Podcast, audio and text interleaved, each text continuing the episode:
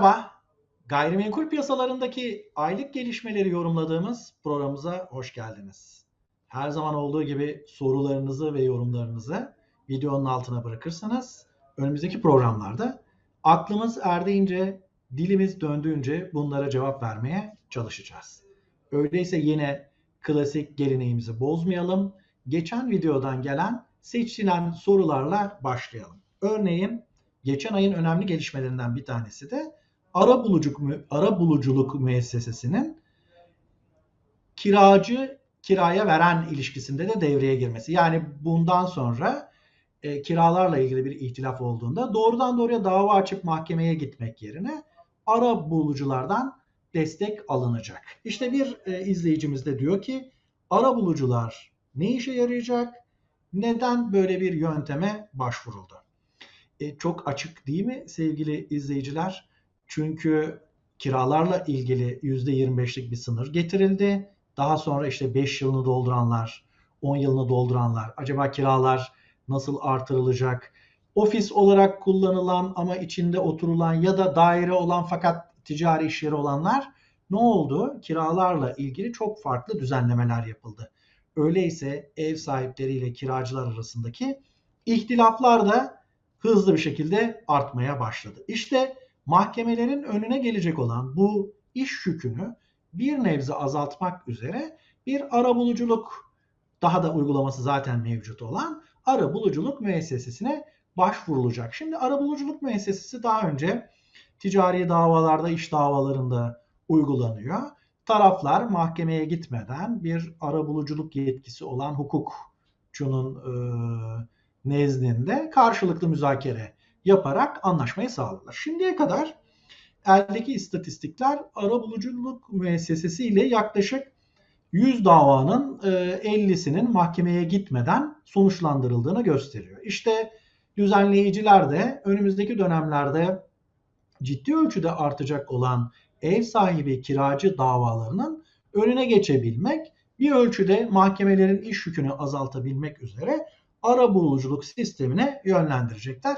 Önce ara bulucuya gitmeyen ihtilaflar için dava açılamayacak. İnşallah burada da iyi bir sonuç alınır diye düşünüyoruz. O zaman şimdiden arabulucuya gidecek olanlar ve arabulucular için de şöyle bir şey söyleyelim. E gittiniz arabulucuya. Efendim benim evimin kirası şu kadar. Hayır bu kadar olacak. Şöyle olacak. E bir ekspertiz yaptırtın. Gayrimenkul değerleme firmalarından bir ekspertiz raporunuzu da arabulucunuzun yanına giderken yanınızda bulundurun veya sayın arabulucular bunu taraflara siz tavsiye edin. Kendi işimize de bu vesileyle bir ekmek çıkarmış olalım. Yine bir izleyicimiz şöyle bir soru soruyor. Diyor ki dairemi satıp daha büyük bir daire almak istiyorum. Sizce ne yapmalıyım? Aslında benim buradan anladım satıp yenisini alayım mı demek istiyor. Şimdi bakın elimizdeki varlıklar farklı farklı varlıklar var. İşte döviz, altın, tasarruf mevduatı, tahvil, hisse senedi gibi. Gayrimenkul de bu varlıklardan bir tanesi. Demek ki gayrimenkulümüzü satıp başka bir varlık almak istediğimizde bu iki varlığın yani konutu sattık yerine altın aldık veya konutu sattık yerine hisse senedi aldık. Gelecekteki performanslarıyla ilgili risk ve getiri tercihlerimizi aslında değiştirmiş oluruz. Yani konuttan çıkıp diyelim ki borsaya hisse senedine giriyorsak aslında bunun arkasındaki bizim rasyonel beklentimiz nedir? Konut fiyatlarına nispetle borsada hisse senetlerinin önümüzdeki 3-5 yıllık artık yatırım ufkumuz ne kadarsa o süreçte daha iyi bir performans göstereceği ve elimizdeki varlığın değerinin diğer alternatiflere göre çok daha hızlı artacağını düşünürüz. Bu rasyonaliteye göre hareket ederiz. Şimdi burada soruyu soran sevgili izleyicimiz dairemi satıp daha büyüğünü almak istiyorum. Ben bunu şuna benzetiyorum. İşte 100 gram altınımı satıp 150 gram altın almak istiyorum. Ne yapmalıyım diye. Aynı varlık türünde kalıyorsunuz. Dolayısıyla risk ve getiri tercihleriniz aslında değişmiyor. Öyleyse yapmanız gereken mevcut dairenizi satıp daha büyüğünü almak. Tabi ilave bir finansman ihtiyacınız olacak. Onu belki geçmiş birikimlerinizden, belki kredi alarak karşılayacaksınız. Ancak bu sorunun altında yatan gizli kaygının da şu olduğunu düşünüyorum. Ya ben evimi sattım, yenisini alıncaya kadar geçecek olan sürede eğer fiyatlarda ani bir artış olursa bu durumda zarar etmez miyim diye soruyor ki bence de çok haklı bir soru. İşte orada da önce şunu yapmak çok zor. Satın alacağınız daireyi bulup anlaştıktan sonra kendi dairenizi satıp parayı almak da hakikaten önemli ölçüde problem. İşte aynı varlık türü içinde bile e, yatırımlarınızı değiştirdiğinizde bir tür zaman farkı dolayısıyla ortaya çıkabilecek fiyat riskleriyle de karşı karşıyayız. Önerimiz şu, e, evet bu gayrimenkulünüz ile alacağınız gayrimenkul arasındaki zaman aralığına mümkün olduğunca kısa tutun ki zaman dolayısıyla ortaya çıkabilecek risklerden minimum düzeyde etkilenin. Yine bir başka e, izleyicimiz harika bir soru sormuş. Çok teşekkür ediyorum ben bu soru için. Çünkü bayağı da e, şey konuyu açıklamaya yardımcı olacak bir soru. Şöyle diyor ki e, Ahmet Bey rüzgar tersine dönecek dediniz yani geçen videoda. Bir, inşaat maliyetleri yükseliyorken. iki piyasada arz talebi yakalayamazken acaba nasıl tersine dönecek? Evet hesap soruyor ve çok haklı da bir soru bence. Zaten ben de bütün bunları izah ederek söylemiştim. İnşaat maliyetleri artıyor mu? Doğru. Arz yetersiz mi? Evet. Doğru. E buna rağmen nasıl geriye dönecek? İşte burada değerli arkadaşlar şöyle bir şeyle karşı karşıyayız. Evet çok haklısınız. İnşaatta maliyetler artıyor. Ama fiyatlar bu maliyet artışının çok çok üzerinde arttı. Bakın elimizde Merkez Bankası'nın endeksi var ve Haziran ayı verilerine göre konut fiyatları bütün Türkiye'de %160 artmış gözüküyor. Ama bu Merkez Bankası'nın endeks metodolojisiyle ilgili bir şey. Yani şunu demek istiyorum. Merkez Bankası hedonik fiyat endeksi yapıyor. Yani topladığı verilerin içinde dairelerin özelliklerini ayıklıyor. İşte bahçeli, efendim güvenlikli, korumalı, havuzlu gibi. Bunları ayıkladıktan sonra diyor ki ben e, saf fiyatı ölçtüm. Ölçtüğüm saf fiyatta %160'lık artışla karşılaştım diyor. Oysa biz bir daire satın almak istediğimizde e, saf fiyatlarla değil gerçek fiyatlarla karşılaşıyoruz. Şimdi gerçek fiyatları da aslında yine Merkez Bankası kendi bültenlerinde tabakalanmış ortanca birim fiyat olarak veriyor. Tabakalanmış ortanca birim fiyatlar üzerinden hesap yaptığımızda yani Türkiye'deki o e, endekse giren konutların ortalama birim değerleri arasında yıldan yıla ne kadar değişiklik oldu dediğimizde o %160'lık değişim %186 oluyor. İstanbul'da %186 olan Merkez Bankası'nın fiyat endeksindeki %85 olan %185 olan değişimi %213 oluyor. Yani 30 puan daha yukarıda çıkıyor. Yani hissedilen enflasyon bir konut satın almaya kalktığınızda karşınıza çıkmış olacak fiyat artışı Türkiye'de Merkez Bankası'nın kendi fiyat endeksinin 25-30 puan daha üzerinde. İstanbul açısından bakalım %213 ortanca birim fiyattaki. E peki enflasyon ne kadar? Şimdi enflasyonla ilgili bir takım tartışmalar var. Ben bu noktada tüketici fiyat endeksini değil de yurt içi üretici fiyatlarını alma taraftarıyım. Çünkü konut bir üretim, ortaya çıkan, üretilen bir mal e, ve yurt içinde üretilen bir mal. Dolayısıyla orada %145'lik bir enflasyon var. Şimdi karşılaştıralım. %213, %145 son bir yılda konut fiyatlarındaki reel artış %50.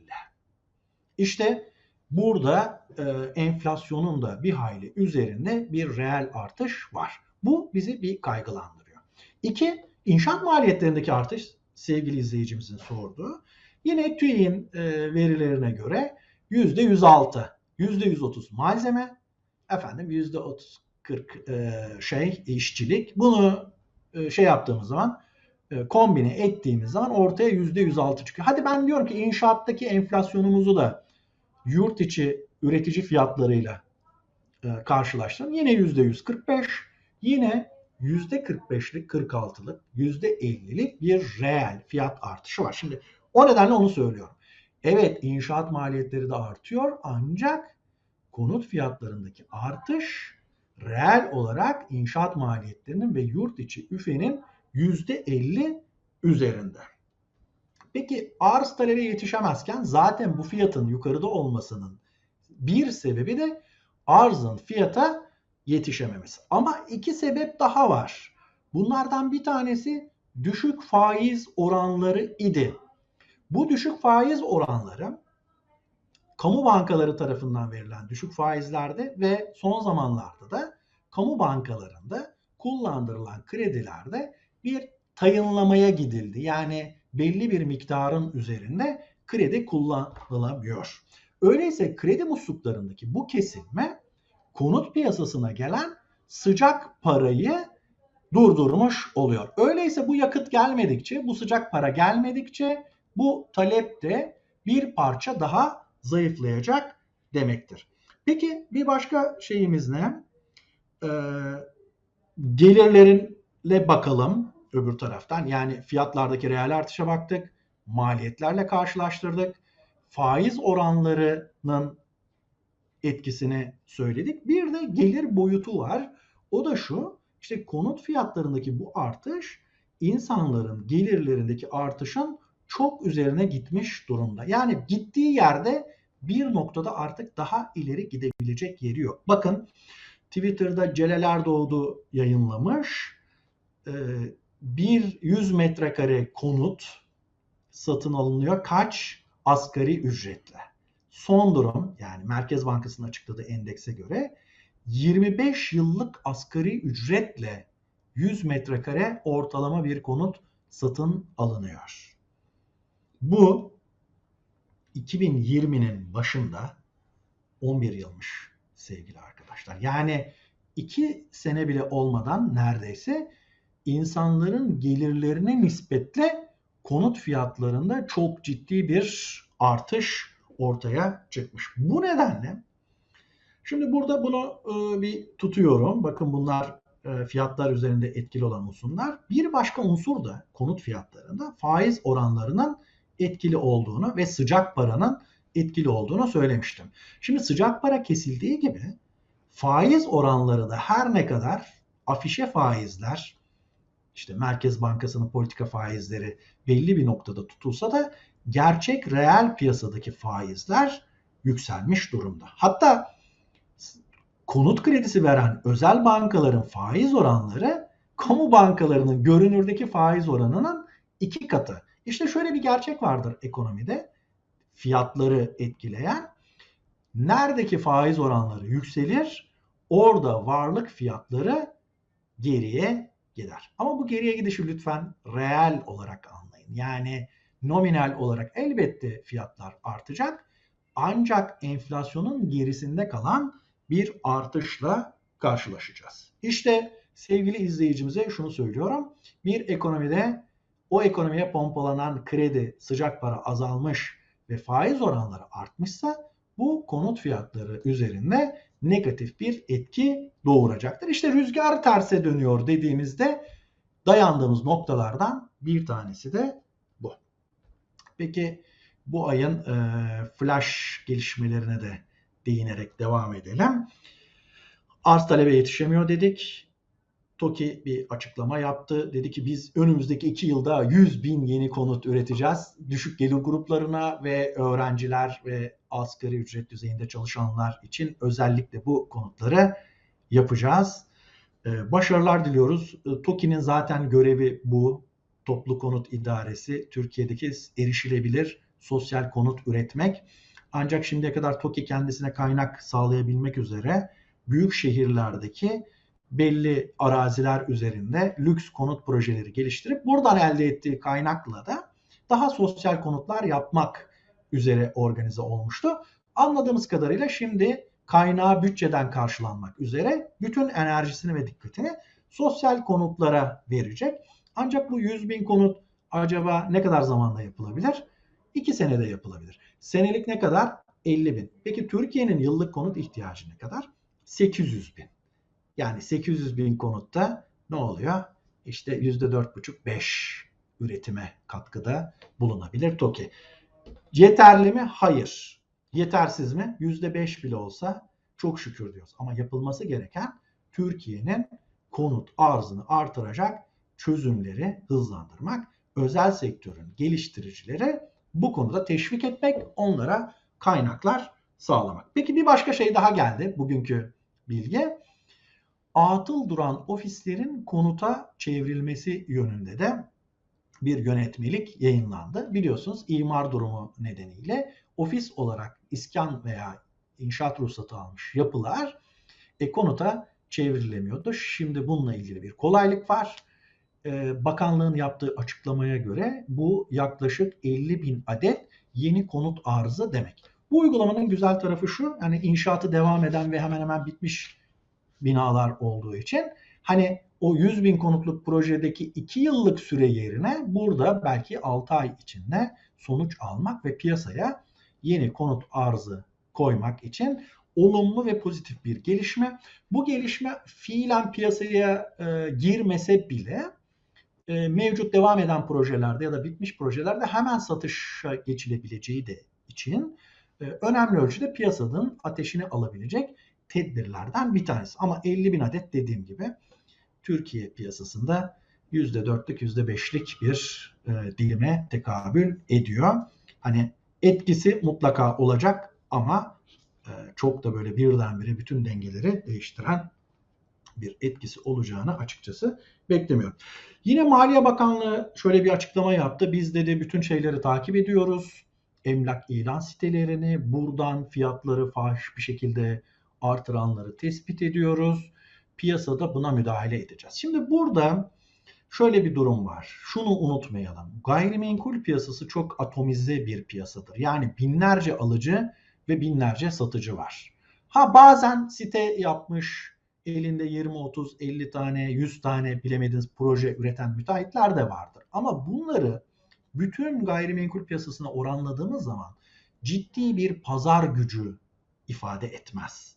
O zaman iktisadi kavramlarla söylersek ciddi ölçüde çok sayıda alıcının ve çok sayıda satıcının bulunduğu tam rekabet piyasasını andırabilecek lokasyon olduğu için tam öyle değil ama en azından alıcı satıcı açısından çok sayıda alıcı ve satıcı bulunduğu için şimdi kalkıp gayrimenkul piyasalarını sanki bir monopol, kartel, bir yerden fiyatları belirliyor ve buna göre müdahale ediyor gibi yaklaşmak doğru değil. Böyle bir yaklaşım sonuç vermez. O nedenle Maliye Bakanlığı'nın bu tedbirlerini e, polis devleti, yaptırımcı, zabıta tedbirler yerine bu alım satımların kayda geçmesi ve vergilendirilmesiyle ilgili düzenlemelere yönlendirmesi gelecek açısından da piyasadaki fiyatların gözlenebilmesi açısından da çok daha doğru olacaktır. Şimdi birçok konuya aslında bu sorular ve aylık gelişmelerle devam ettik. Peki bundan sonra neler olacak? Şimdi bakalım. Temmuz ayında 94 bin adet yaklaşık konut satıldı ve hemen medyaya işte Temmuz'da konutlar çakıldı, düştü, bir önceki aya göre %30 düştü, geçen seneye göre şu kadar düştü denildi. Hep bizim klasik medyada atlanan bir husus var. Takvim etkisi. Yani o ayda kaç iş günü vardı? Çünkü konut satışının gerçekleşebilmesi için tapu dairesinde işlem yapmanız lazım. E tapu dairesi kapalıysa para transferi yapmanız lazım. Banka kapalıysa kredi kullanacaksınız. Yine bankalar kapalıysa demek ki işlem yapamazsınız. Öyleyse Türkiye'de aslında aylık konut satış adetleri üzerinde en belirleyici değişken o aydaki resmi iş günü, mesai günü sayısıdır. Dolayısıyla buna göre konut satışları azalır veya artar. Bakın aynı e, iki ayı ele alın arka arkaya. Mesai gününde eşit konut satılsın. Bunları da söyleyeyim ben size. Mayıs'la Haziran 6800'er adet konut satıldı. Birisinde 18 iş günü var, diğerinde 22 iş günü var. 22 iş günü olanla yaklaşık %20 daha fazla konut satılmış oluyor. O nedenle eğer medyadan sevgili arkadaşlar bizi izliyorlarsa lütfen o ay kaç iş günü var ona dikkat etsinler. Bu Temmuz'da da 15,5 iş günü vardı. Doğaldır konut satışlarının aşağıya düşmesi. Buna ne diyoruz? Takvim etkisi. Bir de mevsim etkisi var. Türkiye'de konut piyasasında her zaman bir mevsimsel dalgalanma söz konusudur. Konut fiyat, konut satışları Ocak'ta dip yapar. Sonra yavaş yavaş Şubat, Mart yükselir. Haziran'da bir noktaya gelir. Ondan sonra Temmuz, Ağustos gevşer ve azalır. Bu her yıl kendini tekrarlar. Buna mevsim etkisi diyoruz. Öyleyse hem bir önceki aya göre takvim etkisi var daha az çalışılıyor hem de yaz rehaveti dolayısıyla mevsimsel bir etki var. Demek ki Temmuz ayında konut satışlarının düşmesi kadar doğal bir şey yok. Bunu doğal karşılıyoruz ama ne yapacağız? Bir önceki Temmuz'la karşılaştırarak da aynı mevsimsel zaman dilimi içinde acaba konut satışlarında neler oldu? Ona baktığımızda da %12'lik bir düşme görüyoruz. İşte zaten dikkat edilmesi gereken husus da bu. Şimdi sevgili izleyicilerim bu yılın Ocak ayından itibaren her ay konut satışları ya bu son 12-13 yılın en yüksek aylık konut satışı rakamlarıydı. Rekorlar kırdı her ay. Ya ikinci sıradaydı. O da 2020 yılındaki kredi kampanyasının etkisi. Sadece onu söylemek istiyorum. Ama ilk defa bu Temmuz'da geçen yıldan daha geriye düştüğü o aydaki mesai günü başına konut satışları. Örnek verelim. Geçen yıl Temmuz ayında mesai günü başına 6700 adet konut satılmış. 6800 adet konut satılmışken bu yıl 6100 adet konut satıldı.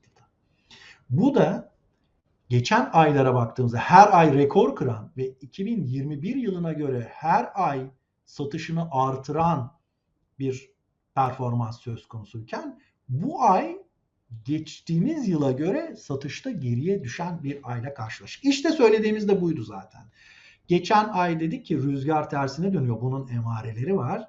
İşte bunun emareleri istatistikle, rakamlarla bizim önümüze gelmiş oldu. Demek ki ilk defa geriye doğru döndü ve muhtemelen e, kredi musluklarının kesilmesi, faiz oranlarının yükselmesi kişilerin enflasyonist süreçten kaçınmak üzere varlıklarını bir yere park etme ihtiyacının artık tamamlanması yani o ihtiyacın giderilmesi ve gelir ve bütçe içinde konuta ayrılacak payda artık sınıra gelinmiş olması gibi etkenler dolayısıyla artık konut piyasasında e, öne çekilen bir talep, tasarrufları korumak amaçlı bir talebin son çizgiye geldiğini düşünüyordum. Hala da bunun e, bu işaretle devam edeceğini söylüyorum. Peki konut piyasası sadece satış piyasasından mı ibaret? Sadece fiyatlardaki hareketten mi ibaret? Bunun için bir anket yapmıştık hatırlarsanız.